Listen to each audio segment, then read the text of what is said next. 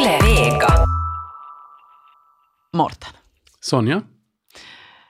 eh, om du skulle bli allvarligt sjuk, hur tror du att du skulle handskas med det? Är det, är det någonting som du skulle vilja berätta för andra eller kanske hålla mera för dig själv?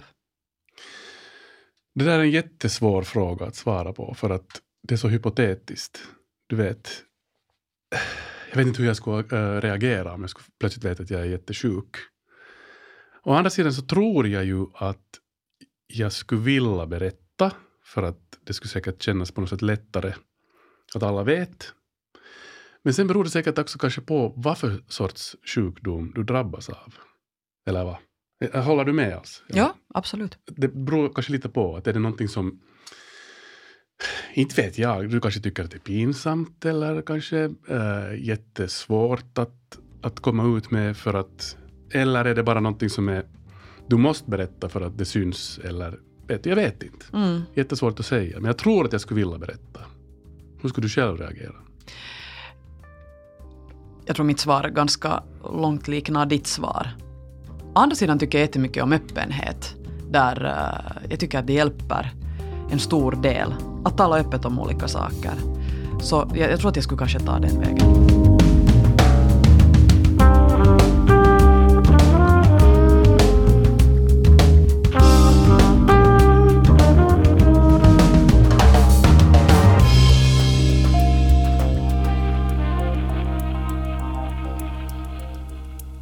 Ni lyssnar nu på Efter nio här tillsammans med Morten Svartström och mig Sonja Kailasari.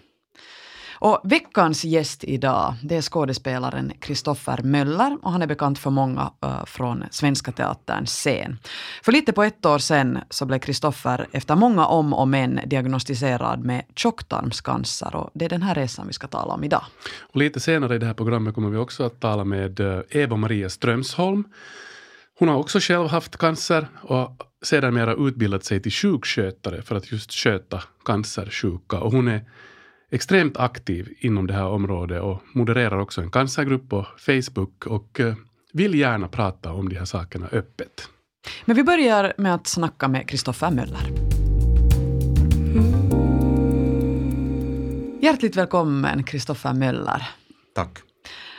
Vi ska tala om din upplevelse idag om att få ett cancerbesked och hur det gick till. Uh, ska vi börja från det, att hur du märkte att allt inte stod riktigt rätt till? Då, det började egentligen för, för många år sedan att jag märkte att min, min mage inte fungerade eh, normalt som den hade gjort tidigare. Och, och, och det här, jag gick ganska många gånger till läkare och, och, och funderade vad, vad kan det här vara och fick olika råd och för, för vad jag skulle göra, mest kostråd och sånt här. Varken jag eller någon läkare tänkte då på att det skulle kunna vara något, något allvarligare. Eh, men sen på våren, våren 19 så började jag bli också väldigt trött. Och jag trodde att jag hade någon slags utmattning eller något sånt här, att jag hade jobbat väldigt mycket då. Då på våren så, var, så slutade jag liksom, det blev sommar, sommarledigt och, och den tröttheten bara fortsatt. Och så började jag känna också att jag hade ont, ont i magen och, och jag gick igen, igen till läkare. Och, och sen, sen ganska senare på sommaren så, så fick jag en sån diagnos att jag skulle ha blindtarmsinflammation. Så då opererades jag för en blindtarm. Som sen visade sig att det var inte blindtarmsinflammation. Och, och det, här, eh, det var liksom den första operationen. Och sen, sen fortsatte det och jag eh, hade fortfarande sen ont i magen en veckor efter det här. Vad är det här? Och, och gick igen till läkare och sen gjordes också en kolonoskopi på mig.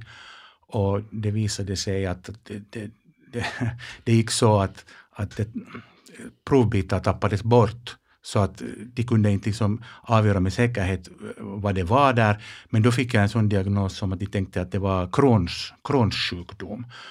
Så, så jag gick då med det och fick några mediciner mot, mot det.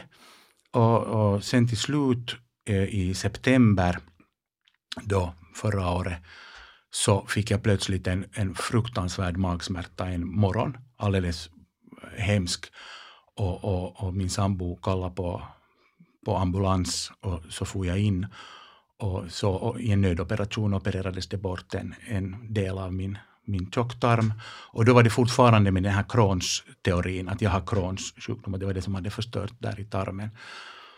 Och det här, och så låg jag på sjukhus en tid och sen den dagen jag skulle hemförlovas från sjukhuset så kom läkaren med ett besked att, ja, att nu är det så att de har hittat cancer där i tjocktarmen, att det var inte alls det här Crohns äh, sjukdom. Och det var ju en fruktansvärd chock. Jag hade ju inte, inte tänkt, tänkt på det, utan jag hade tänkt att det är där Crohn som är också en allvarlig sjukdom och kan leda till allt möjligt och bland annat cancer. Men, det var en fruktansvärd chock äh, förstås att få ett sånt här cancerbesked och, och, och, och det här att gå, gå vidare därifrån var, var, inte helt, var inte helt lätt. Men det, det var samma dag jag skulle hem från sjukhuset så min sambo Kalle kom kom dit och, och förde hem mig och, och, och det här, vi var ju båda helt liksom, mattan hade dragits undan från båda. Vi visste ju inte då vad det var för allvar, hur allvarligt det var och vad, vad, vad, vilket läge, läge det var. Men det var genast tal om att jag skulle ännu behöva en till operation. Att den, den, den hade den här cancern gått ganska långt, att den hade ätit sig genom, genom tjocktarmen och liksom in dit i mag, magen. Eh, den hade inte, visat sig sen att den hade inte spritt sig allvarligt långt, men den var ändå mycket farlig. Så jag skulle behö, behövde en sån här till operation, stor operation, då de skulle ta till, till bort av tjocktarmen och annat vad de kunde ta bort vävnad därifrån. Plus att de, de sen sköljde mig med, med sån här um, cytostatika i magen för att om, om det skulle ha spritt sig celler där. Eh, för att i så fall få bort dem. Och den, den jätteoperationen gjordes sen i november. Och det här, då, då, blev det för mig en sån här, jag fick ett sån här ett hål i magen, en stomi, uh, tillfällig, som jag sen hade i nio månader, där dit liksom allt maginnehåll eller liksom fördes mm. uh, utanför kroppen i en påse. Och, och lyckligtvis var den, var den där påsen tillfällig, att jag behövde inte leva resten av mitt liv med den.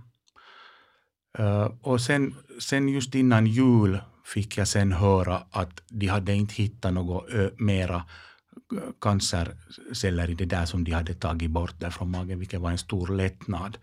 För att det är den stora faran med det här om det har ätit sig igenom, att det sen börjar sprida sig, sprida sig där. Ja, att... Alltså, hur många år levde du med den här ovissheten, eller den här känslan av att någonting inte var, var var rätt förrän det här uppdagades? No, det är svårt att säga därför att det kom så smygande. Att jag liksom, magen är ju ibland eh, liksom upp och ner. Man har ju haft hela, ända sedan barndomen så har man ibland och så kom, kom det smygande och det blev mer och mer liksom att det, det, det blev liksom permanent och, och, man märker inte, eller jag märkte inte den här liksom övergången helt tydligt. Jag bara märkte att okej, okay, nu har jag haft ganska länge det här och jag gick då flera gånger till läkaren som jag sa. Alltså många år, alltså fem, sju år åtminstone. Eh, kanske mera, alltså när det börjar och inte när de här symptomen börjar, mm. det här mag. Jag tycker bara att det är så skrämmande för att när man, man, jag har hört om andra som har haft det här samma, att de har inte märkt någonting. Mm. Och den kommer liksom smygande på det där sättet och sen är det för sent, mm. sen när det, det uppdagas. Mm. Att det, man blir ju nästan själv paranoid när man sitter här och tänker på att har jag ont eller har jag inte. Men i, i, i ditt fall då, så du, du är nu, det är okej okay med dig nu då? Liksom. Eh, Eller? För tillfället är det okej. Okay. Jag, jag, jag går på kontroller nu med ett halvårs mellanrum. Och, och, men det är tidigt för mig ännu. Alltså att mina, mina cellgiftsbehandlingar slutade, avslutades i juni. Så jag är nu i ett, i ett tidigt skede och den här cancern som jag har och så som den hade utvecklats hos mig har ganska stor risk att komma tillbaka på ett eller annat sätt. Så att, men för tillfället är det bra och jag har liksom blivit starkare hela tiden och nu börjar jag jobba igen på deltid visserligen, men, men att jag mår fysiskt ganska så bra. Vi talade här i början av programmet om hur man skulle själv förhålla sig eh, till ett besked om att man är allvarligt sjuk. Hur funderar du själv på det då gällande att berätta eller hur, jag vet inte, din, din inställning till det skulle vara och hur offentligt du ville tala om det? No, för mig var det nästan genast helt klart att jag, jag vill säga det här åt alla för att jag behöver så mycket stöd som jag kan, bara kan få. Och det kan jag inte få om inte jag är öppen med den här saken. Så jag liksom talar med alla mina nära vänner och, och, och, och, släktingar och alla, vissa ringde jag upp och sa att nu är det så här och att man får berätta vidare. Att, att jag, jag ville inte liksom ha något, och sen ville jag inte heller ha att det skulle vara något så här hysch-hysch. För det märks ju, jag försvinner plötsligt ur liksom arbetsgemenskapen och människor säger inte mig, så börjar jag få vad är, det med, mm. vad är det med honom och vad han börjar gå rykten och allt möjligt. Så, så för mig var det inte ett alternativ att jag skulle ha hållit det hemligt. Hur reagerar omgivningen? Jag skulle säga att mestadels reagerar omgivningen liksom på ett sätt som var väldigt bra för mig.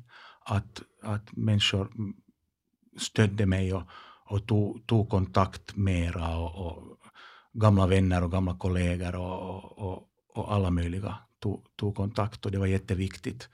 De ringde till mig och kom på besök då innan coronan började man inte liksom mera gick på besök hos människor men, men jag fick väldigt mycket stöd av, av både av, av, mina släktingar och min, min, min sambo och, och, och, och alla. Mm.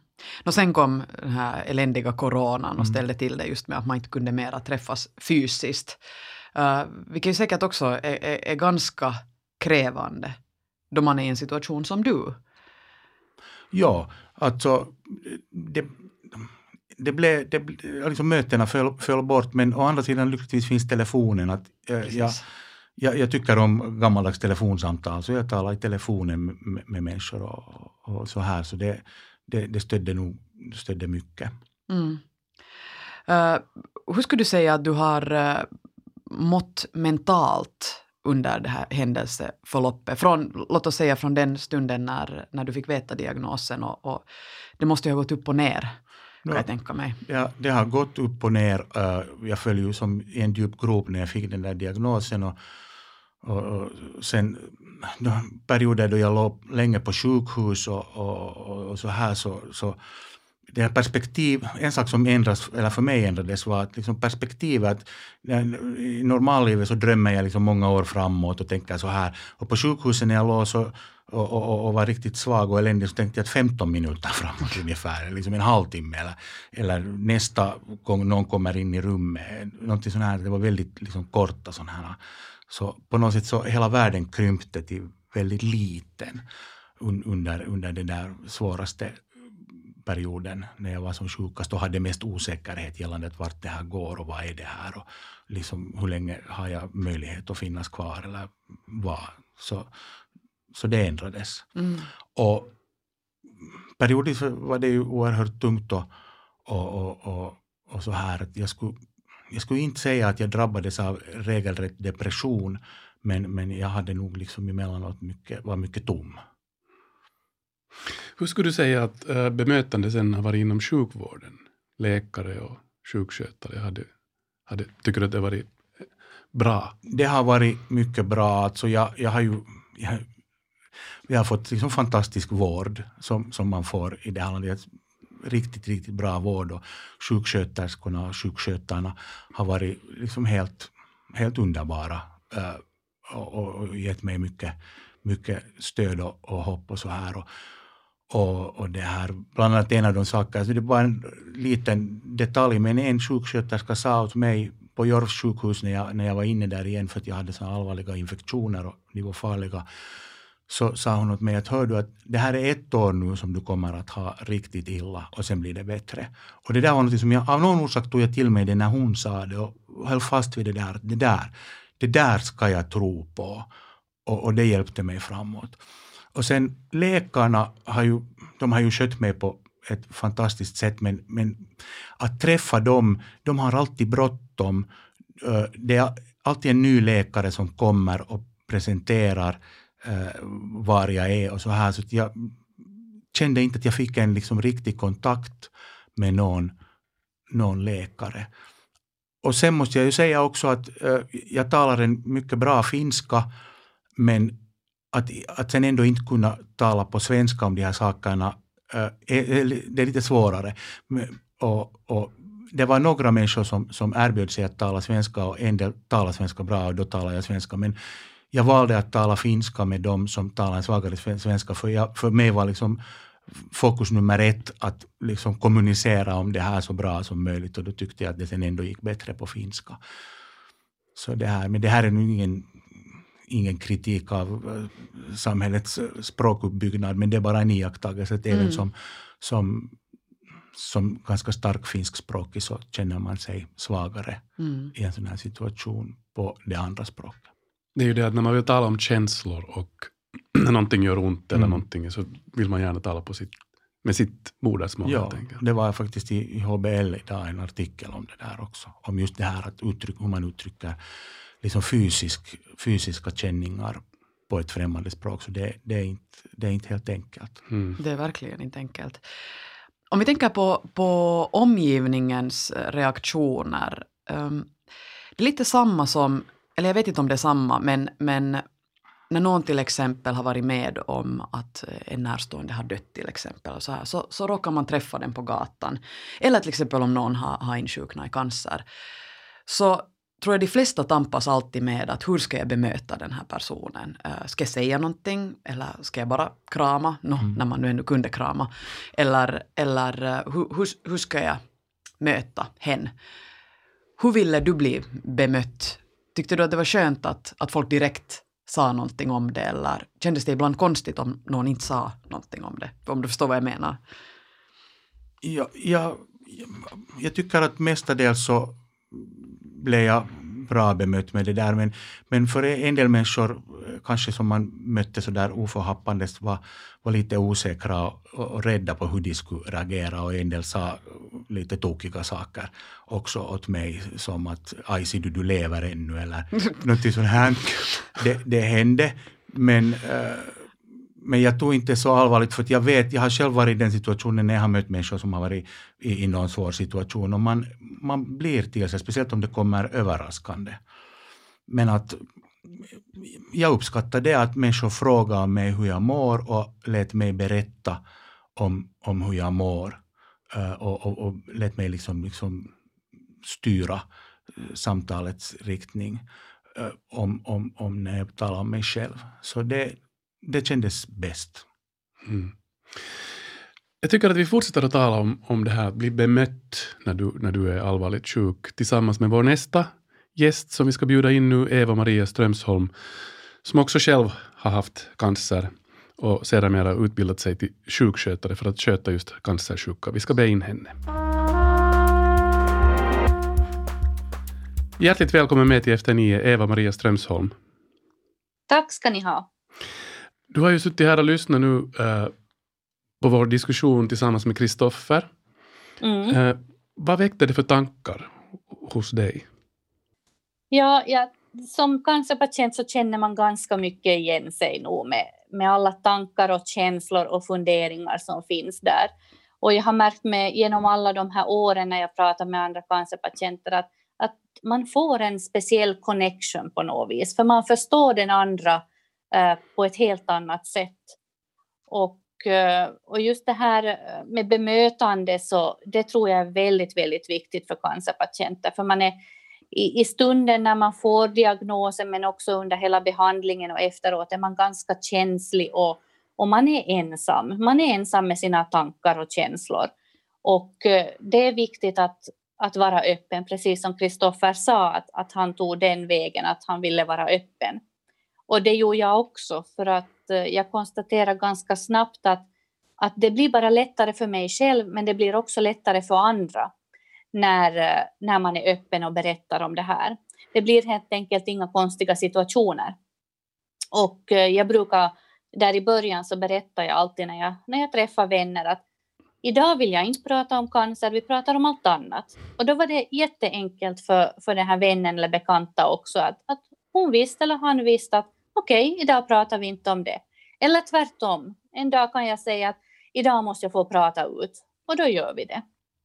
Känner du igen det här tankesättet, Kristoffer? Ja, ab absolut. Att det här, och, och, så har det varit för mig också. att att, att jag har ta, när jag har talat med vänner så, så, så har jag också sagt att nu talar vi inte om det här, eller nu talar vi om något annat. Och ganska mycket hade, hade liksom gått av sig själv. Att bara jag hade fått först tala om, om det här min sjukdom så var jag ju intresserad av andra saker. Också då när jag var mådde som sämst eh, och var som sjukast så ville jag höra liksom om omvärlden. Att det finns någonting som händer, att det inte bara det här sjukhuset eller det här hemma i, i sängen. Och jag låg ganska länge i sådana här hemsjukhus, att de kom och gav mig mediciner hem för jag hade sådana infektioner. Så jag låg hemma mm. men liksom på sjukhuset. Det kom tre gånger i dygnet kom det en sjuksköterska eller sjukskötare och, och gav mig medicin.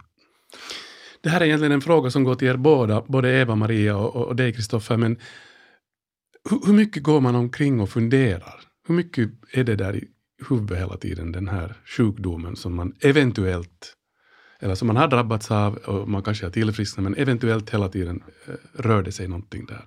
Går man omkring och tänker på det hela tiden? Ja.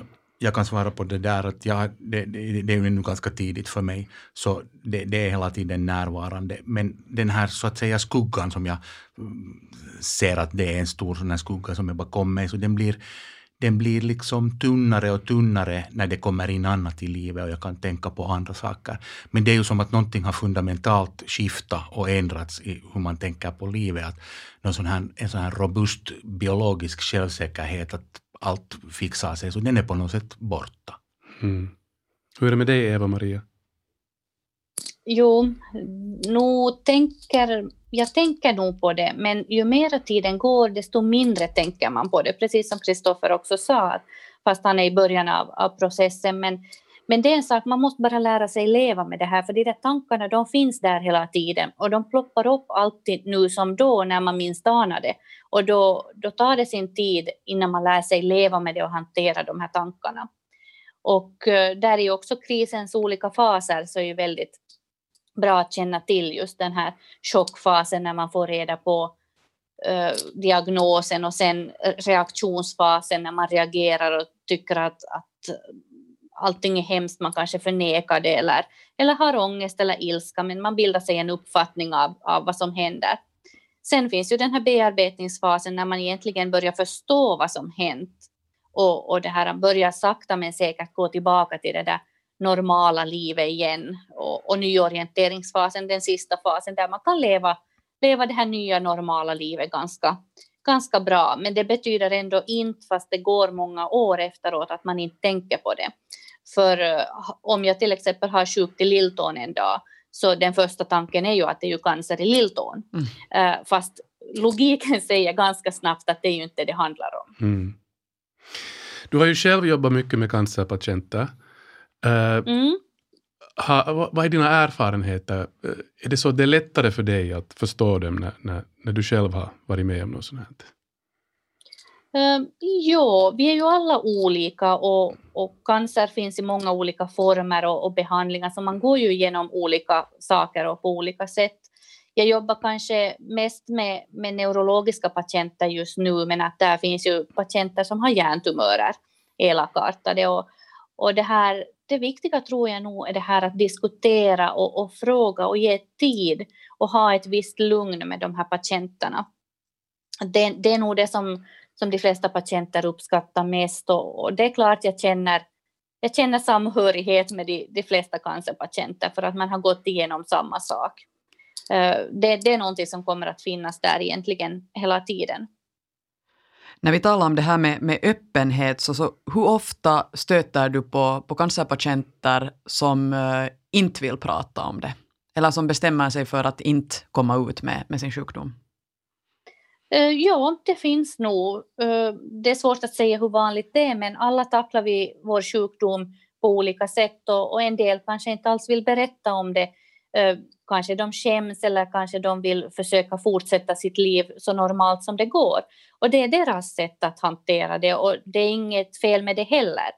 Uh, sen finns det då människor som jag och Kristoffer som önskar vara öppen med det och märker att det, det är för oss det bästa sättet. Att här är det också olika. Mm. Här är det ju det viktigaste att ha en förståelse för att var och en reagerar på, på sitt egna sätt och vet nog vad som är bäst för, för en själv. Men blir det oftast för dem som inte, inte vill prata om det eh, någon slags inställning till att man inte, man inte vill bli påmind om det, att man på något sätt vill försöka leva, leva utan att ha den här sjukdomstanken hela tiden närvarande? Det är svårt att säga. Som sagt, alla, alla reagerar på olika sätt och, och, och man vet ju inte varför någon väljer att inte berätta. Men, men det, det är det sättet för, den, för att kunna gå vidare, att, att hantera vardagen. Och, och vissa cancerformer som kanske inte behöver behandling eh, och bara en liten operation gör att man känner sig helt enkelt ganska frisk egentligen. Och det är svårt att förstå att man, man har en allvarlig sjukdom.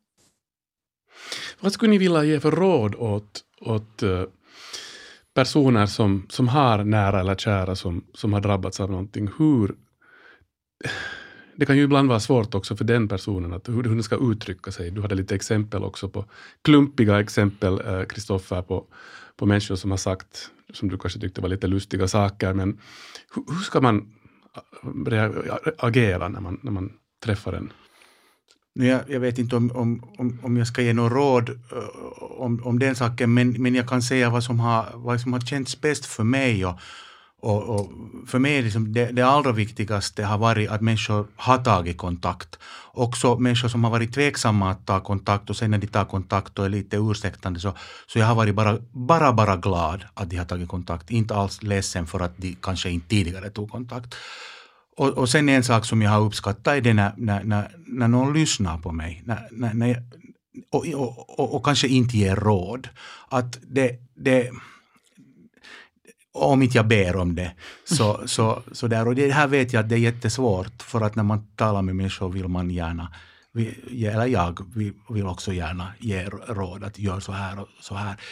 Men när jag var sjuk så eller ja, jag kanske är ännu, men anyway, i det där svaga tillståndet, när man är sjuk så vill man inte, jag vill inte ha, ha råd om, om, om, om hur jag ska förhålla mig. E- e- eller, eller mm, att eh, berättelser om att snart kommer jag att ha insett allt möjligt och vara väldigt klok eller någonting. Att jag har sådana här, sån här eh, andras äh, tankar om vad det här är har inte varit så värdefulla. Men det är ändå viktigare att, att ta kontakt och fast man skulle säga de här sakerna, så den här kontakt, kontakten är det viktigaste. Hur är det med dig, Eva-Maria? Mm. Jag håller med. Det, det är det här att någon lyssnar och att, att man får prata ut och, och bara babbla på fast samma sak hela tiden med en och samma person så, så hjälper eller det hjälpte åtminstone mig. Uh, råd brukar ju människor vilja ge och det är jättelätt att ge råd. Men, eh, men jag kan inte heller i den här situationen ge råd i och med att alla är vi så olika. Och eh, om det är så att någon frågar råd, att vad skulle du göra i den här situationen eller, eller hur gjorde du? Så då brukar jag svara och ge råd. Eh, så, så här är det, jag tänker det är viktigt med information för människor också, att få den här rätta och tillförlitliga informationen om sin sjukdom. Och där är det nog sjukvården och, och läkarna och skötarna som har en, en viktig roll. Om man tänker på, på dagens samhälle där man kan googla och, och läsa allting själv så, så där brukar jag alltid poängtera att, att fråga först läkare, prata först med sjukvårdspersonalen. Eh, för det är därifrån det kommer den här mest tillförlitliga informationen också. Nu har vi talat en hel del om, om just vänner, bekanta och eventuellt kollegor. Men hur är det sen med, med de som står en riktigt nära? Till exempel en sambo eller partner, barn. No, de, de, för mig har det varit den viktigaste, viktigaste stödet, absolut. Alltså, uh, min sambo, så han har, han har stött mig på ett helt fantastiskt sätt. Och jag vet inte hur jag skulle klara mig i det här om jag skulle ha varit ensam. Och sen då min, min närmaste vän som har hållit kontakt så gott som dagligen och så mina syskon och, och, och, och, släkt som jag har mera kontakt med. Så det stödet har varit som det förstås det allra viktigaste. Men sen har det varit jätteviktigt också det här stödet av mer avlägsna bekanta och gamla vänner som, som har tagit kontakt. Det har, det har nog varit viktigt det också. Eva-Maria? Mm. Mitt stöd fick jag mest av familjen, min syster och mamma och pappa. Och det, var, det var guld värt och, och förstås ett par nära vänner. Men sen också efter en stund, när det gick några år eller ett år, så kände jag att jag ville ha stöd av likasinnade också. Och det var kanske därför jag bildade den här finlandssvenska cancergruppen på Facebook, där jag, där jag liksom samla då en massa finlandssvenskar under samma tak och där märkte jag att det behövdes den här diskussionen med, med likasinnade och, och, och liksom, eh, ja, tankar och känslor på ett helt annat sätt. Och jag tror det här psykosociala stödet också är viktigt och kamratstödet sen eh, framåt för att eh, man känner att man inte är ensam helt enkelt, utan det finns andra där ute som har, har tänkt samma sak och gått igenom liknande. Jag har haft en, eller har en, en så avlägsen bekant som, som drabbades av den här samma sjukdomen ungefär samtidigt. Och henne har jag haft liksom per Facebook kontakt med och det har också varit ett viktigt stöd. Jag försökte gå med i en sån här Facebookgrupp för, för patienter som har den här samma sjukdomen som jag, men jag klarar inte av det. Jag måste gå därifrån för att jag, jag, jag klarar inte av att höra människors berättelser som, som hade det sämre än jag och inte heller människor som hade det bättre än jag.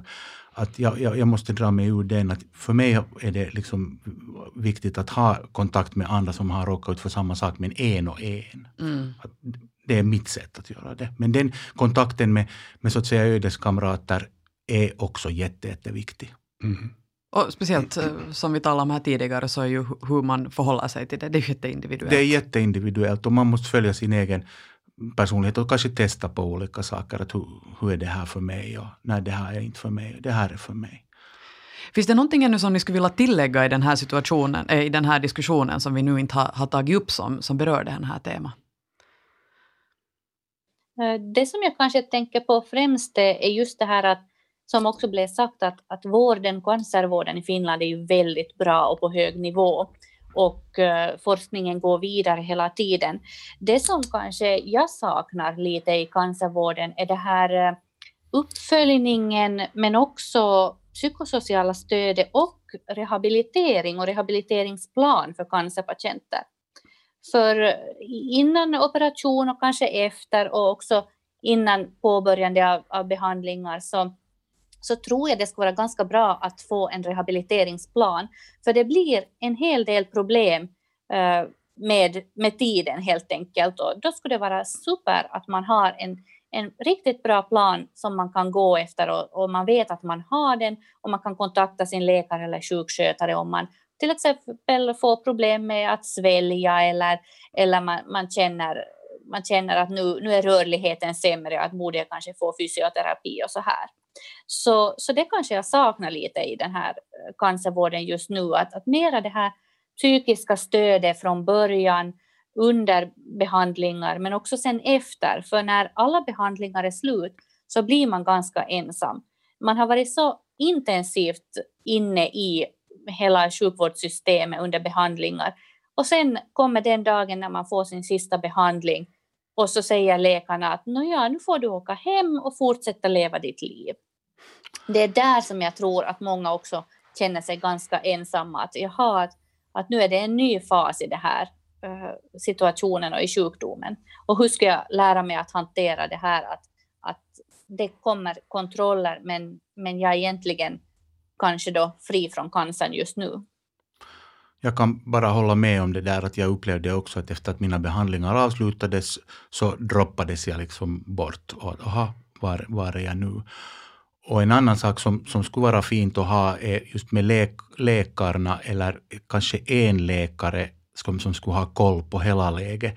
Att det är utspritt på så många människor att jag, jag, jag vet lite vem som har gjort olika operationer och det finns ju att ta reda på och, och, så har jag haft cancerläkare, men de har också varit flera. Det känns inte att det finns en person som jag kan vända mig till. Mm. Det, det skulle kännas bra att ha en klarare, klarare så. En rehabiliteringsplan skulle också vara viktigt, att just det, att man inte blir droppad. Jätteförståeligt. En viktig poäng där, ja. Uh, jag tänkte ändå som avslutning när, när uh, som sagt, ni har valt att vara Kristoffer, du och, och Eva-Maria, ni har valt att vara öppna med, med sjukdom och så vidare. Hur har det känts här idag att, mm. att prata om det här än en gång?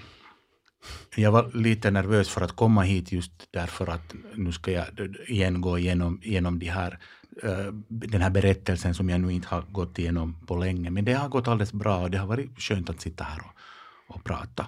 Mm. Ja, Eva-Maria. Jo, jag, jag håller med. I och för sig, jag har ju gått igenom den här berättelsen väldigt, väldigt många gånger, så jag är ganska van med det. Men alltid när man upprepar det och, och säger sina tankar och, och känslor i ord så är det en ny situation. Mm.